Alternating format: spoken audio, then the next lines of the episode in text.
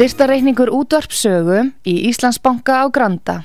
Útubú 513, höfubók 26, reikningur 2.11.11. Nánari upplýsingar á útvarpsaga.is. Takk fyrir stöðningin. Heimsmálinn í umsjón Pétur Gunnlaugssonar.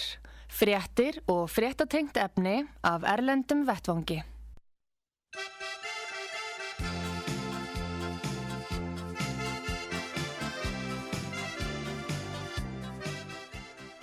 Góðir hlustendur, þeir að hlusta á útvart sögu. Ég heiti Pétur Gunnlaugsson og þið eh, eruð að hlusta á þáttinn heimsmálinn og ég ætla að ræða við hann Gustaf Skúlason, eh, fréttamann útvart sögu í Svíþjóð. Sæl Gustaf. Sæl og blessaður Pétur og gott nýtt ár útvart saga og hlustendur. Já, gott bjarsint nýtt ár. Einmitt. Einmitt. Nú við skulum byrja að hlusta á hljóðbút með aðalrítar alþjóðastofnunurinnar, eh, alþjóða heilbíðismálastofnunurinnar og hérna hann heiti Tedros Adhanom, Adamon. Oh. I um, hope to see negotiations move swiftly and leaders to act with ambition. This is the moment for leaders to banish the politics of populism and self-interest which are derailing the COVID 19 response and threaten to undermine the response to the inevitable next disease X. While 2021 has been hard, I ask everyone to make a New Year's resolution to get behind the campaign to vaccinate 70% by the middle of 2022. We have 185 days to the finish line of achieving 70% by the start of July 2022. and the clock starts now. Já, það var aðteglisvert Gustaf að hann er að tala um að það komi óhjákvæmilega ný veira núna. Uh, hvernig veit hann það að komi ný veira? Nú erum við með Omikron, hann, Omikron er ekki að tala um hana. Hann er að tala um einhverja hættulega nýja veiru sem að kemur vantalega hvað í, í þessu mánuði eða... Og svo er ja. einnig að tala um stjórnmál að banna populisma og eigin hagsmunni. Það er nú gott að stjórnmálamenn gætu gefið út lögum að útrýma eigin hagsmunastefnu, ég veit það ekki. En... Ja, þetta, þetta eru sko alveg ótrúlega yfirlýsingar hjá manni þessar stöðun. Það sýnir bara sko hvaða hlutverki þessar stopnarnir gegna í dag sko. Það, það, það, það eru allar á sama meiði með, með hérna að berjast og segja að móti þeim sem er að gaggrína livjarísuna. Þetta eru stofnarnir sem standa og starfa með livjarísunum. Já. Enda er það livjarísarnir sem eru að framkæma þær rannsóknir, ófullænandi rannsóknir eins og þeir verða viðkenn í dag. Og það er þetta sem heimsbyggðin stiðist við, bólefni frá Pfizer og öðrum sem er að rannsaka sér sjálfa en jáfnframt neyta að bera ábyrð á framleyslu sinni með samningi. Þannig er það. Já og, og það, það, sko það er eins og hann segir að hann er að hvetja stjórnir heimsins því að núna er tími til þess að banna populisman og eigin hagsmunna sem er að afvega leiða viðbröð við COVID-19 og grafundum viðbröðum við óumflýjanlega næsta sjúkdóm X. Og ég segi eins og þú hvað er maðurinn að tala um? Hvaða sjúkdóm X er hann að hóta heimunum með að komi núna eftir ómikrón? Hvað getur aðalrítari vitað um það að það sé einhver hættulegur sjúkdómur X eða pláa, reynilega hann talar um nýja pláu sem að mun ganga yfir heiminn. Hvers konar yfirlýsing? Hafa er enga ábyrð að, að, að skiptir einhver máli? Er hægt að leipa þessu fólki að, að, að hérna, hljóðnjamanum? ef það haga sér svona, má hún segja bara hvað sem er þessi aðalrittar eða hvað? Já, það leipur alltaf undir uh, skálminna hjá Xi Jinping, þeir eru enga vinnir en, en, en ég segi eins og þú, þetta, er þetta engin ábyrðastað að vera aðalrittari eh, þessara stóru stofnuna sem á að sjá um he heilbreyðismál fyrir hans saminu þjóðin í heiminum. Þetta er ótrúlegt og svo erum við núna að leggja upp nýja, þessa nýja baróttu sko 70% jarðabúar eiga verið að fullbólsetta fyrir júli 2022. Við höfum bara 185 á okkur og klukkan starta núna. Ég held þetta sé allt saman fyrirskrift frá bólurísunum. Hann var, hann hérna, Robert Kennedy var í, í viðtali í bandaríkanum og líka Robert, Robert hérna Malone Já. og hann, hann var að skýra frá ker, hvernig kerfi virkar. Fólk á spítunum manna fær borga fyrir hvert sjúklinn sem kemur inn með COVID. Þannig að þetta er sko, það fá allir að græða fullt af bæði einstaklingum og stofnunum sem græða á því að það er COVID í gangi. Já, en það er líka farið að bera því að pólitísk rétthugsun allar auðvitað að taka yfir eh, hérna, stjórnun á eh, COVID-meðferðinni með því að það er farið að mismuna fólki í til dæmis í New York. Já, það voru, ég, maður trúi allar sínum einn orðum, en þetta er kemur frá eh, hérna, heimasíðu New York borgar og New York, New York Post hefur sagt frá þessu Já.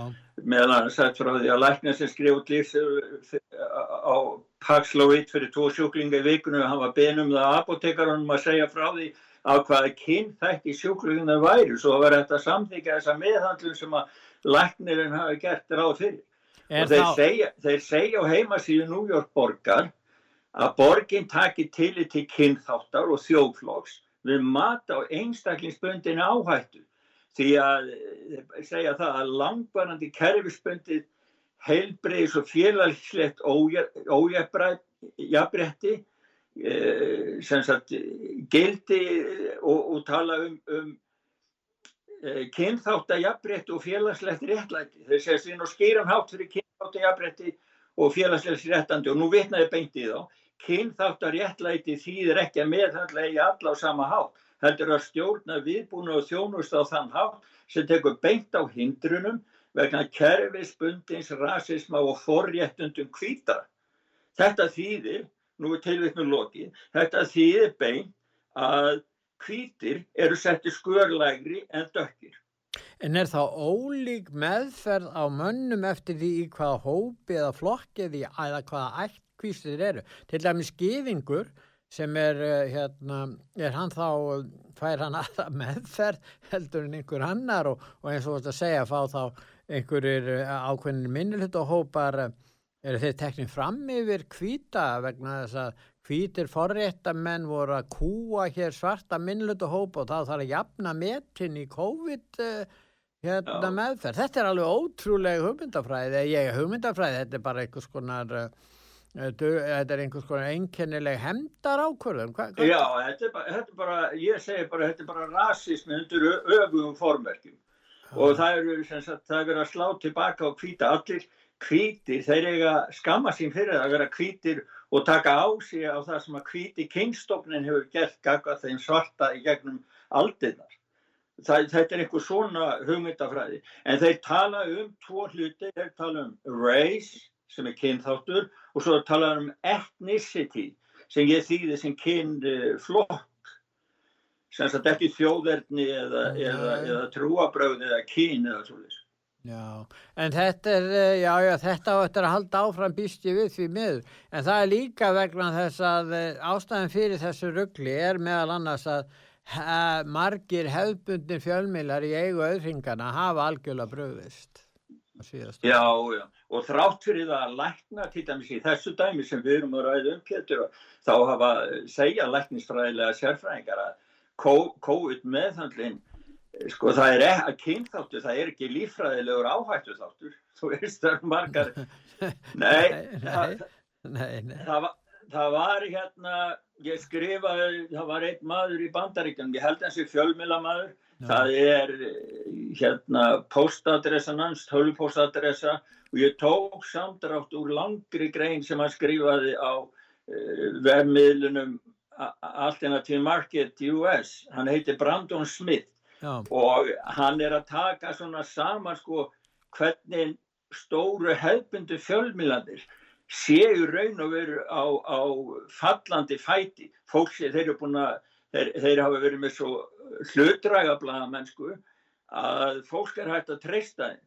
Og, og hann tekur sko þeim og hann tekur til dæmis þeim það CNN stendur fyrir meira átt að samdrætti að 68% samdrætti árunum 2021 uh, New York Times, þeir eru í örvæntingar reyna að samfara almenningum að þeir eru í enna eitthvað erindi til á, á markanum og, og reyna að fá fólk til þess að gerast áskrifamundur og fleiri sem hafa lagt upp laupana uh, og hrunið á netunu af hefbundum fjölmjölum þannig að það gengur ítla hjá hefbundum fjölmjölum og hann er svona að taka fram dæmi út af hverju og tekur svona dæmi um helsu liðar. Þetta er náttúrulega skrifað í bandaríkunum og þá tekur hann náttúrulega bandarís dæmi. Þegar kannski að kíkja á þau eitthvað. Já, ég til dæmis Wall Street Journal er að gaggrína í mitt fjölmila, til dæmis þessi ósanindi um stílskísluna sem átt að sanna í mislett um tengsl Eh, Trump fjölskylduna við rússana sem að hefur reyndar, þeir haldaði áfram að halda þessu gangandi þessari stílskíslu en það er búið að sanna það og hún er ekki sann og það er, það er eh, en, en því er haldið áfram, það er nú gott dæmi um það hvernig reyndir að eh, svona hagræða þessu. En þeir tala gætnan um að hérna falsfrettir komi frá uh, Trump og hans mönnum og eitthvað hefur það nú sko vera hægt að sína fram á það en, en, en þessi stóru mál var eins og stílskíslan og, og þessi krafa um málsokn og hendur fósittanum með þess að áður hann var kjörinn fyrir 2016 og tala nú ekki um eftir hann var kjörinn að þetta Já. byggir á uh, skíslum sem eiga ekki við röka steyðjast þetta er náttúrulega enda, enda þegar þeir voru að skoða þetta að, þá kom í ljós að, að, að uh, það væri ekki hægt að lögsækja fósittan fyrir brot í starfi eða hvað þá annað.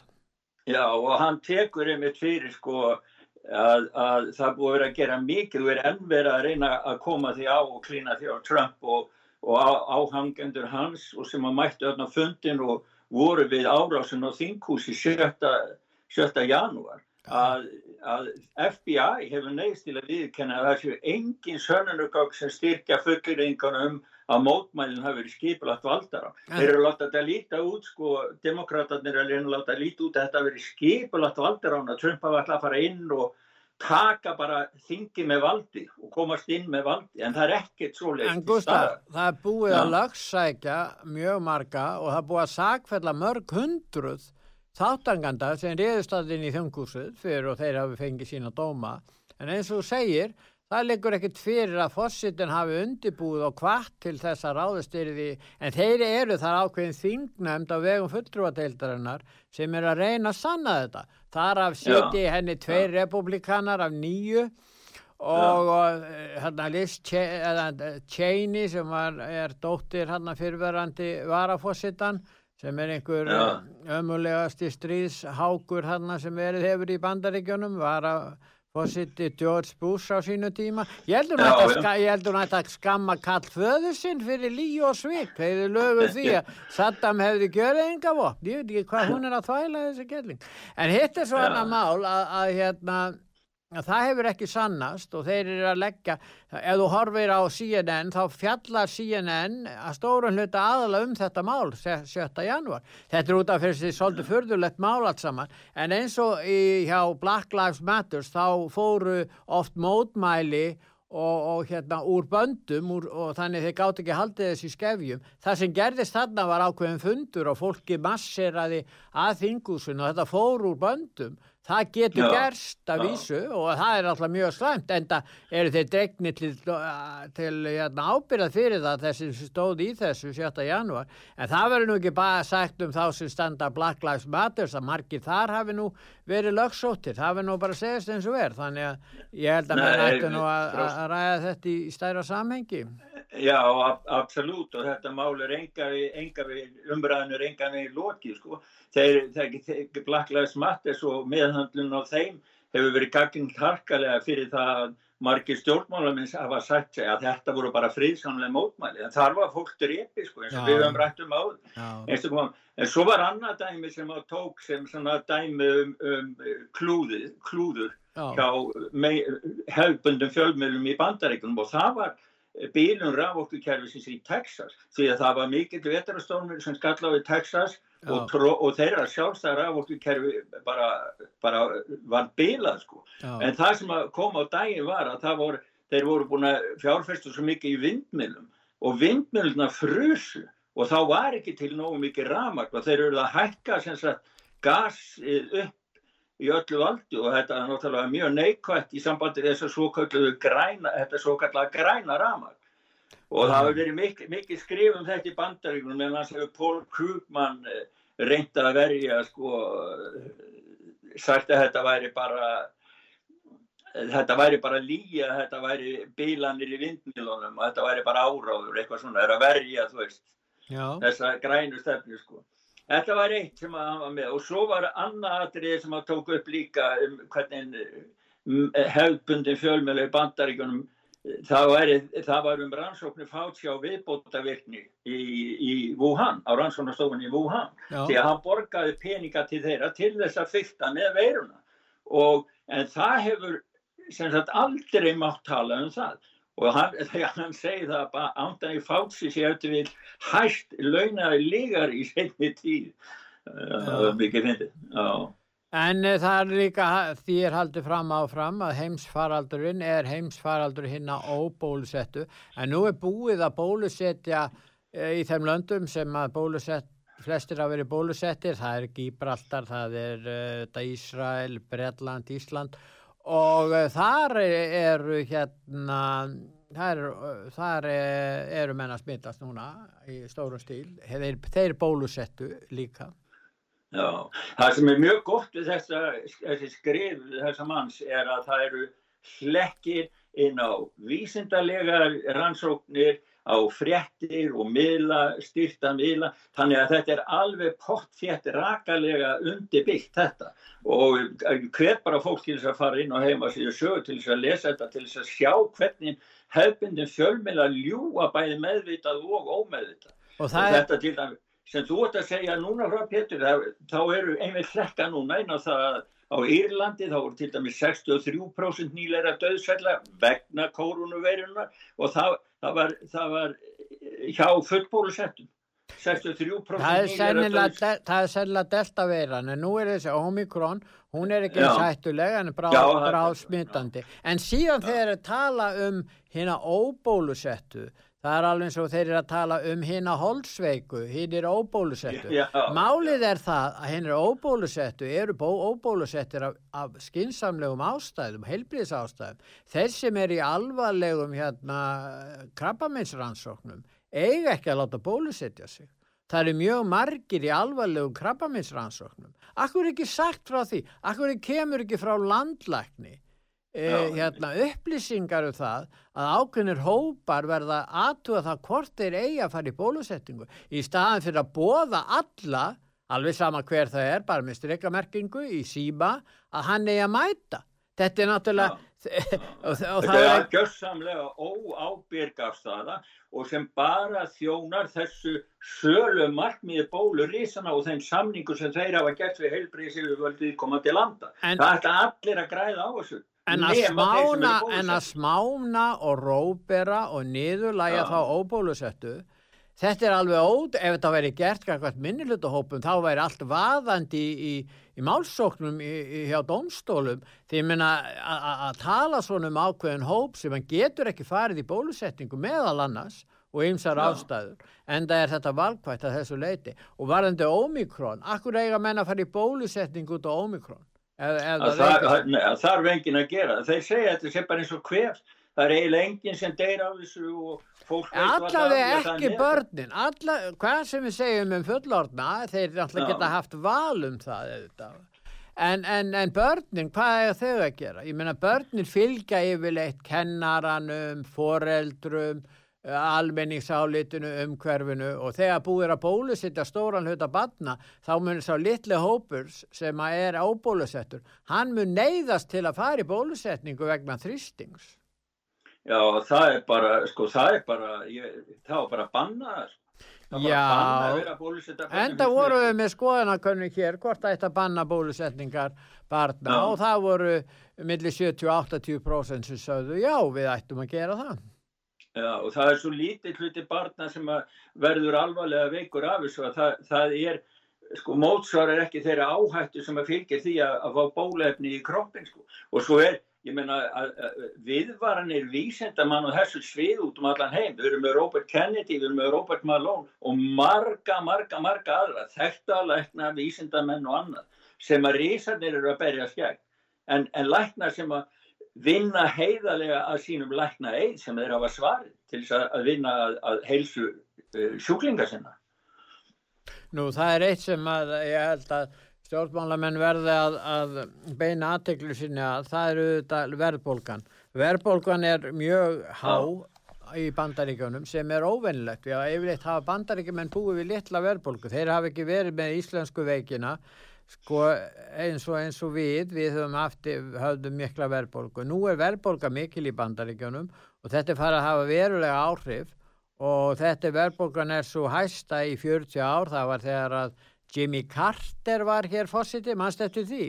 Mannst eftir Jimmy já, Carter? Já og þá já, var já, já, já, hann var frá hvað 76 til uh, 76, 7 til 80, 81 og hann var sko þá hans, þegar hann var fórsiti þá var mjög mikið atvinnuleysi og, og hérna verðbólka, hvort feggja og enda tapa hann þessum uh, slag sínum í kostingaslag gagvart Ronald Reagan 1980 En uh, spurningin er núna hvað gerist út af verðbólkinu vegna þess að þetta er eitt allra stærsta vandamáli sem að, að hérna, hagkerfi heimsins stendur framöver, að minnskosti hér á Vesturlandum. Já og það er sko, þetta fellur líka saman við hækkun á öllu orkuverði, á, á bensinni, dísil, Já. á bílana hjá vennilegu fólki Já. og hérna í Svíþjó hefur við mikið rætt um þetta því það hefur hækka verðið á dísil og bensinni og hér hefur verðbólgan hefur ekki verið jafn mikil hér í 30 ári Svíþjóð sko.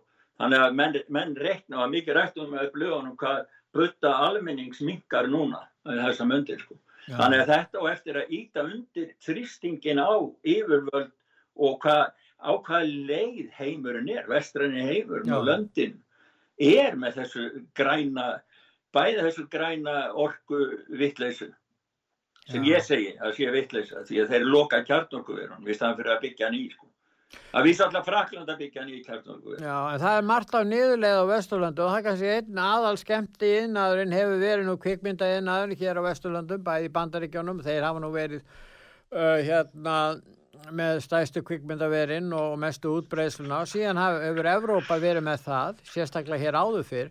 En ef við byrjum á Evrópu þá finnst mér nú að við orðið talsverð hnignunni kvikmyndainnanum í Evrópu með að við það sem hér var áður því að það voru mjög margar góðar bíómyndir sem komið frá Ítalíu, Fraklandi, Spáni og Tískalandi og, og hérna hér en, en það verist lítið bera á því núna hver er skýringin á því heldur? Er Evrópusambandi þessi eitur pláa sem heiðuleggur með þess að kvikmyndaðina?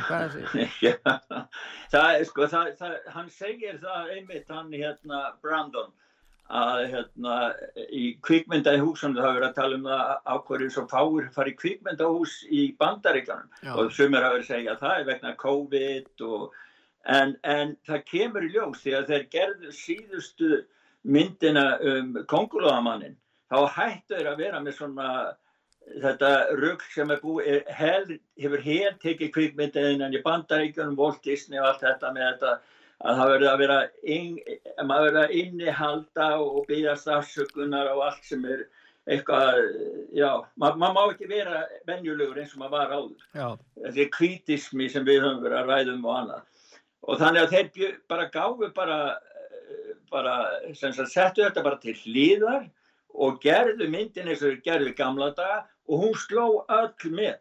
Þannig að það er ekki spurning, það bara fólk er hundleitt á þessu sko vók kæftæði og þessari menningabildingu sem hefur verið komið fram í gegnum kvikmyndana í síðustu á. Fólk vil ekki hafa þetta. Þannig að knignun kvikmyndana er í tengslum við það að verið hefur verið, það hefur verið að stjórnmála væða bíómyndir og koma og breyta þeim í einhvers konar áróðusvélar fyrir ákveðna stefnu og stefnu réttrúnaði líka og fólk nennir ekkert að fara að kaupa sér í bíó til að horfa á það Nei, það er bara hundleiðilegt sko. þá missir maður alveg út þú veist þetta sem einmitt kvikmyndir leikús og listir eru fyrir. Þar sem maður fær skemmtilega upplifun og kemur út og þú veist hefur eitthvað, maður hefur upplifið eitthvað skemmtilegt. En það á alltaf verið svo pólitísk korrekt og þetta er mjög gott að þetta er að koma fram núna. Því það sýnir það að við getum farið frá þessu rétt trúnaða kæftæði og dellu sem er búið að hel ríða menningu Vesturlanda núna síðust ár. En réttunar hefur fælt eh, áherrandu frá, menn fólk er ekki bíó og í öðru lagi hefur það verið til að stór skada listræna uh, hérna, þætti og starfsemi í kvikmynda einaði á Vesturlandum. Það verður ekkert annað sagt. Ég meina þegar að bíómyndir er ekkert annað en áróðu fyrir einhverju bulli, í þokkabót líka sko, sem er svo hundleiðilegt að það er náttúrulega komin tími til, þeir alltaf endur taka sig með þetta sem þeir eru að tala um. Já. að það náttúrulega er komið því að fólki gerur, en það, veistu hvað þeir kalla þetta, sjálfsagt réttrúnali þeir kalla þetta populisma fólki vil ekki koma í bíó, hvað er þetta? Þetta er bara populisma populismi þá er spurningin um það að, að borga með miðunum, fá ríki til að nýdugreiða, til þess að menn fari inn á já, þetta, sem að myndi já. ekki hafa neina áhrif eða að setja eitthvað svona þvingunin aðgerðir, láta börnin úr skóla fara að sjá þessar bíómyndir einhvern veginn og það verður alltaf verið reynd að gera það þannig eða þá að steyðja þessa kvikmyndaframleiðslu með einhverjum frjárframlögum úr ríkisjóði Já, já, en sko ég ætla að fara að segja það sko, það, ver, sko, það verður engin rétt trúnaður hvorki fjölmiðl nýja kvikmyndahús eða skemmti inn að reki nema bara fyrir ríkispeninga á skattpeningum. Þannig að þetta er algjörlega öfusnúið, þetta er ekki það sem að fólk vil fá, fólk vil fá eitthvað sem er skemmtilegt í staðin. Enga réttrúna, enga pólitík burtu með þetta bara. Takk æði fyrir, nú ætlum við að, að hlýða á auðvisinga Gustaf og Já. þið eruð að hlusta á útvarsögu, ég heiti Pétur Gunnlaugsson og við erum að ræða heimsmálinn og við hann Gustaf Skúlason frettamann út var sög í Svíþjóð og við ætlum að hlýða núna á auðlusingar og koma svo aftur eftir auðlusingar hér. Heimsmálinn í umsjón Pétur Gunnlaugssonar frettir og frettatengt efni af Erlendum Vettvangi.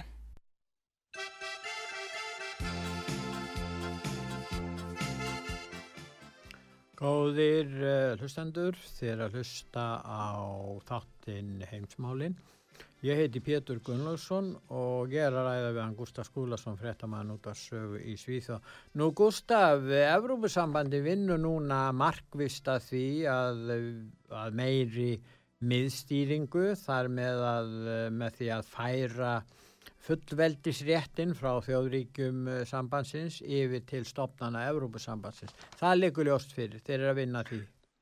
Já, já. Það er sko nýja ríkistjórnin í Þískalandi undir fjórustu vinstri, það er vinstri stjórn, það eru sósættumokrata sem leiða Já. og hún, hún var að segja hún Anna-Lena Barbuk utan ekki sá þeirra Þískalands. Græningi. Hún var, já, hún er græningi, já.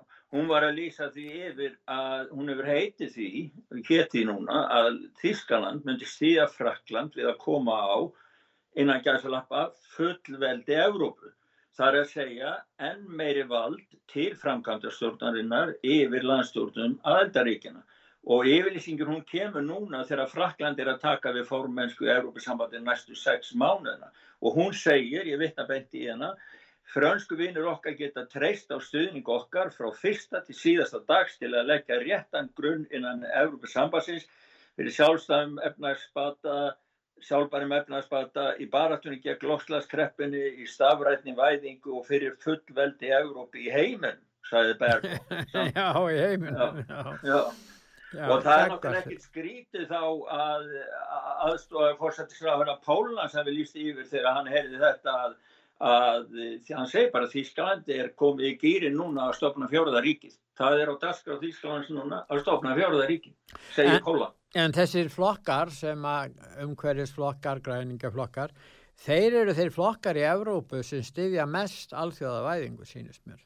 Og ég held að við, við tökum til Íslands í dæmi að vinstri grænir voru uppalega flokkur sem allaði sko að, að berjast frekar gegn alþjóðavæðingunni vegna þess að hún væri svona alþjóðlegu kapitalismi en þeir eru nú komnir á skoðun, aðra skoðun virðist vera. Þannig að það eru þessi græningaflokkar sem að vilja þetta og það er þá má búast við því að, að það sem að bæði kratar og græningar eru nú komnir í ríkistjórnir og farnir að hafa meiri áhrif í Evrópu að það verður lögð meiri áherslu á þetta og svo er það önnu lönd eins og pólverjar og ungverjar sem að eh, verða fyrir barðin á þessu.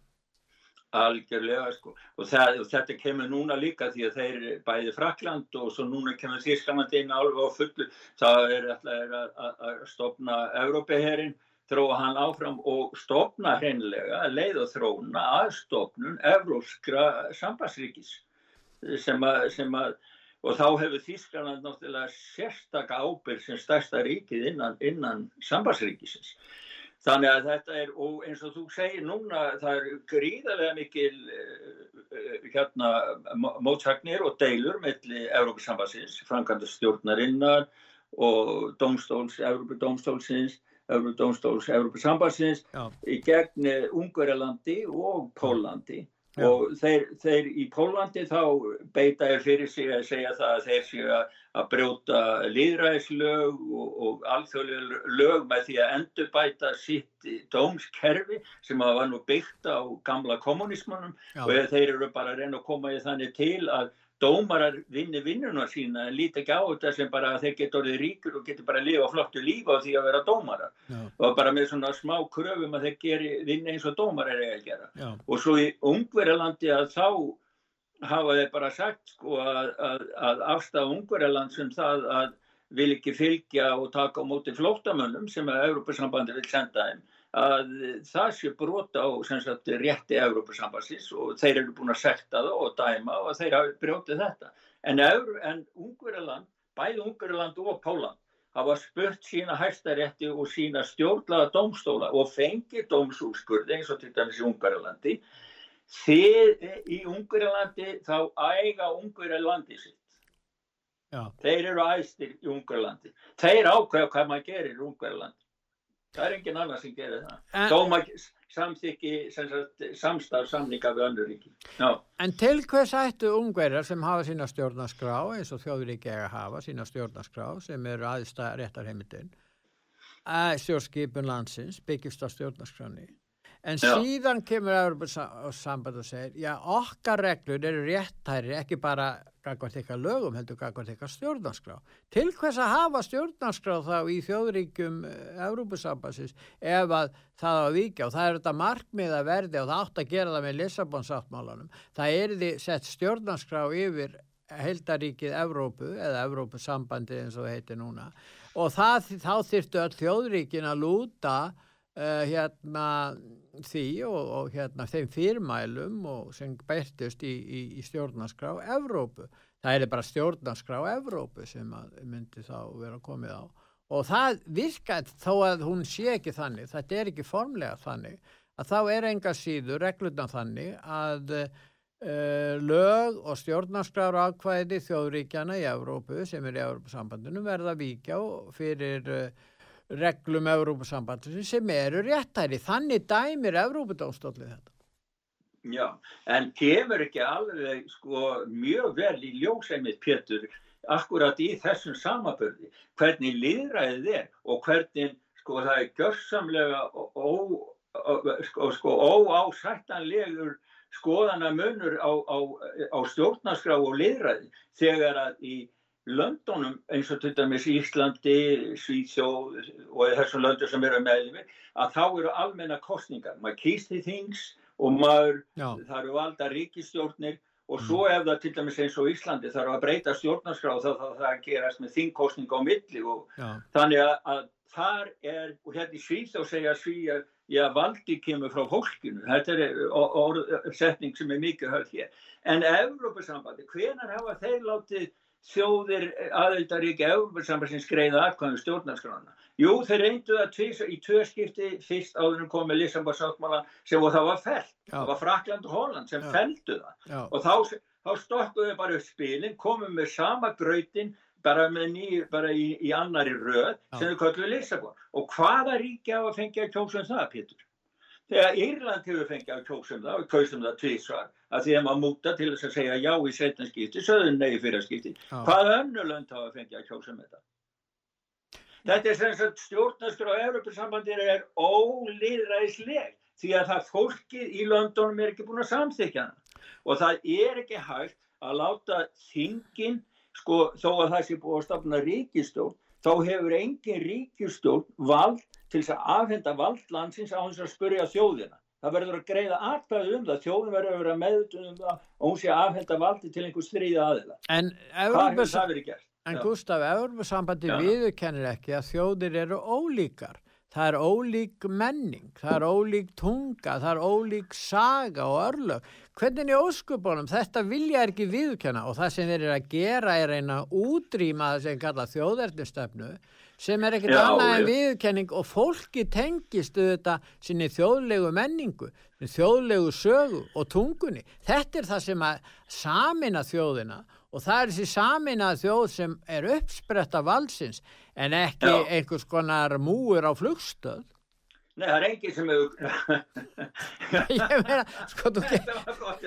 Nei, ég meina, það er aldrei, það er enginn hugsun á bakvið þetta, þess að alltaf það væðingu. Eins og þess að fjöl, eins og til dæmis fjölmenning. Hvað er Já. það? Hvernig gæti þú? Ef, ef fjölmenning, hvað væri það? Væri það til dæmis að fara í glímu, íslenska glímu, klæða sig að nokkru leiti í færeskan þjóðbúning en buksunar kemur frá Normandi, ég meina, hvað er þessi fjölmenning?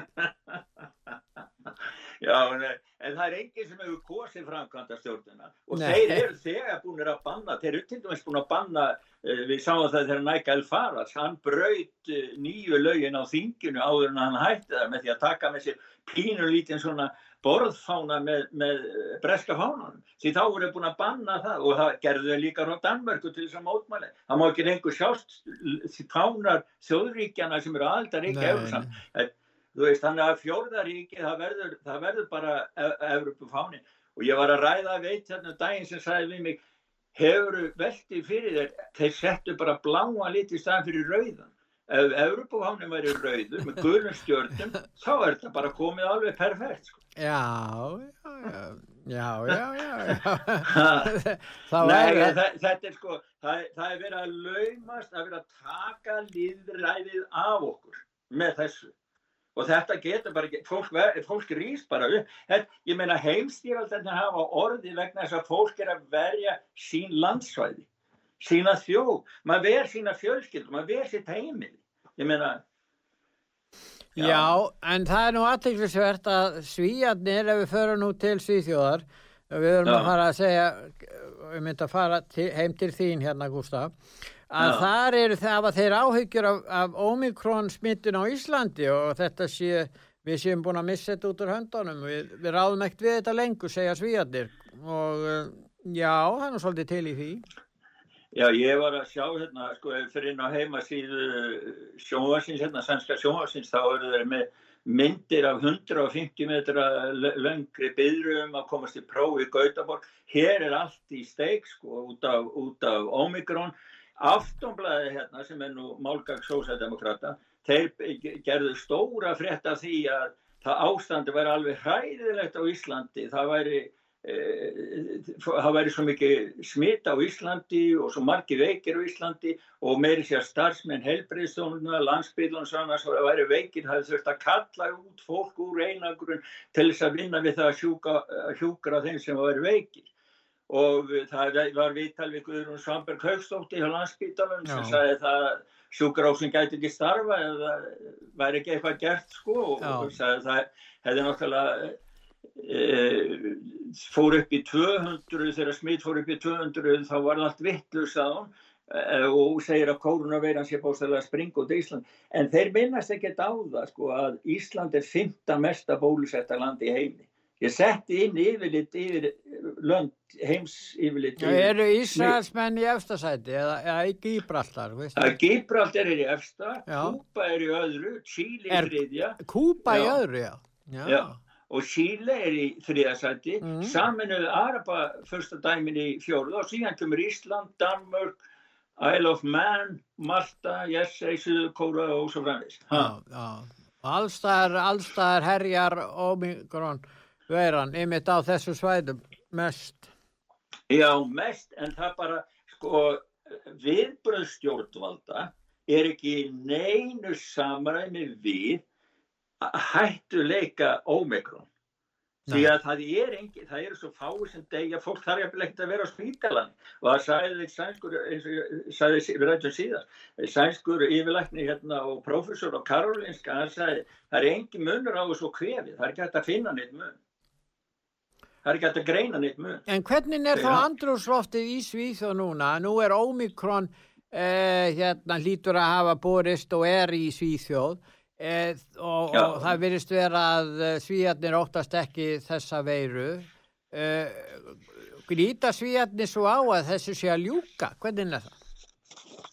Nei, þeir, já, þeir eru sko, þeir fylgja svona einhverju meðalveg, þannig komið nýr stjórnandi líðhælsunu hérna sem er miklu harðari, það búið ekki að Anders Tennell svolítið til líðar, þannig kannski þóttu of frjálslindur En, en þeir núna eru yfirvöld og stjórnin leggur bara áherslu á það þeir ætla að fara með mikla herrferð í mars það sem á að bólusett all og líka börn og allt sko.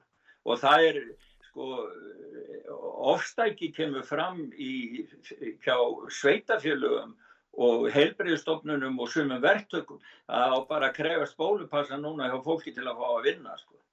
En nú eru deilur um það í Svíþjóðum þennan uh, bólupassa og aftonbladið er með greinu þetta og, og, og það eru þeirra gaggrína þetta. Þannig að það er ennþá mjög mikill ágreiningur innan, innan hérna fagstéttana í Svíþjóð. Hvað er leiða á að fara í þessu málum?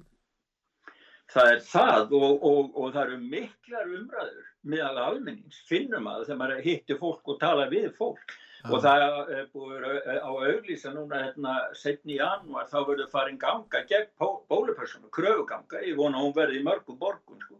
ég veit að hún verður farin hérna í Stokkólum, ég held að það sé 20. stanna í januar þannig að, að fólk er að vakna. Það vill ekki láta bjóða sér þetta. Því að menn skinja það að bólupassi þetta fjallar ekkit um veirun eða veikindin heldur eru veikindin og veiran notu til að koma á stafrænu eftirlýskerfi á einstaklingi og þeir ætla að koma þessi í, í, í gang og þess vegna er verið að, að draga inn að þeir að spröyta upp börnin því að þau eru öll að komast inn í þetta kerfi þá setja alla einstakling inn í þetta kerfi það er það, er það sem þetta fjallar um sko. Nú um áramótin þá kemur í ljós núna þegar menn eru að telja, telja hérna fara yfir árið 2021 að þetta er nýtt metár í dauðaskota árósum í Svíþjóð og það kemur líka fram núna að eh, sænska réttafarskerfi, réttarkerfið e, á í miklum erfileikum sem við myndum segja að það væri í mólum, sagamálaréttakerfið.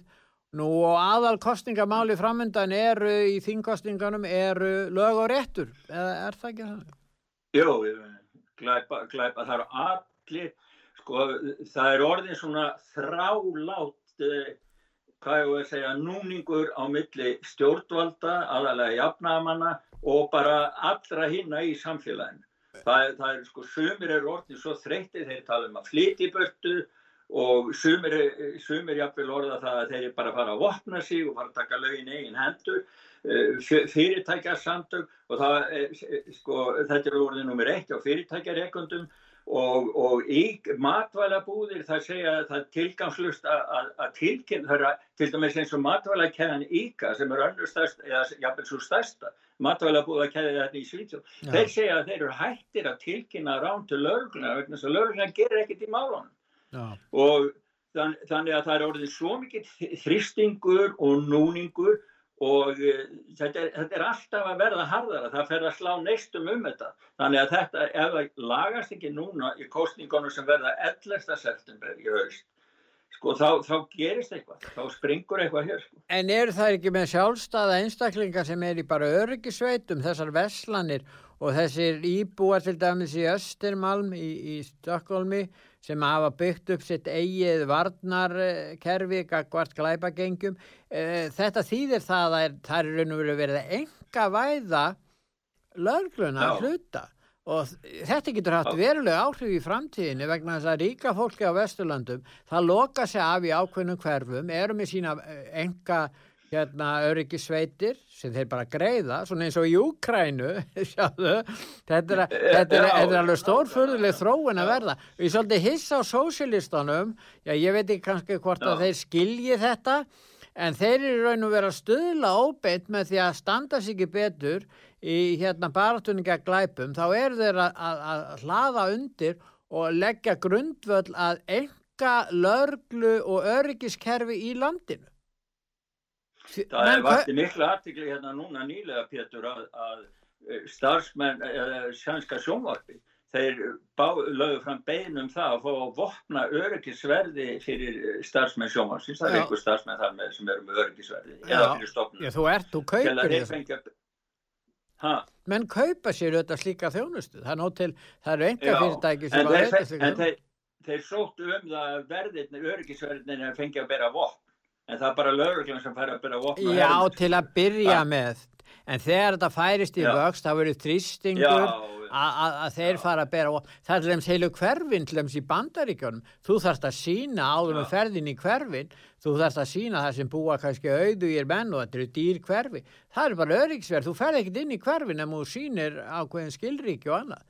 Þa, það er búið að... Já, það er nú ekki, ekki komið svo langt hérna enda, en þannig hérna nýra á Östumann þar sem svona vel efnaði sví að búa í einu ríkasta hverfi í Stokkólmi að þar hefur orðið mikil aukinn eftirspörn á svona panikherbergjum sem að maður smíðar inn í íbúðunum maður getur farið inn sko. En, og alls konar svona öryggisörnum sem er að þóla þú veist en menn er að semja við öryggisfyrirtæki sem er að fylgjast með þannig að þegar að brotist er inn þá fer alltaf pípa og þá koma þér á vettvang. En það spurning hvort að hvað hver, hver upplýðir þeir geta verið hvað hættulum glæpalíð ef þeir eru komin inn í, í, í íbúðuna sko. Já Já, er, og svo eru þeir sko, þeir hafa, það vart í miklu aðtíkli mál hérna um daginn, þeir er nefnilega reynd að ræð, ræna fyrirtækjar ekkert í, á Östumán sko og voru klættið sem starfsmenn DHL sumi koma í lauruglufötum heim til fólks, banka upp á og fara sér inn og ræna öll þannig að það er mikið ofta vaksandi Við höfum þrjártegundur á lauruglu, við höfum bara ríkislaurugluna,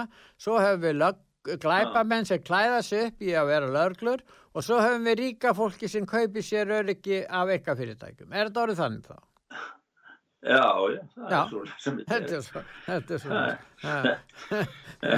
og svo er annað sko sem ég, ég tók eftir í, hjá eftir í upp á Íslandi að það hafði við eitthvað verið að stjóta kannski með loftbísum þar. Hérna hafa glæpamenn í Svíðsjóð, þeir, þeir kaupa loftbísur og svo gera, bæta er eitthvað í það eða breyta með eitthvað aðeins og þá geta þeir drifið fólk með. Sjá... að ég ætla að byggja ykkur að passa ykkur á því upp á Íslandi. Við sjáum það að það er millistjættin í, í, í Svíðsjóð sem er fornalampið í þessu mál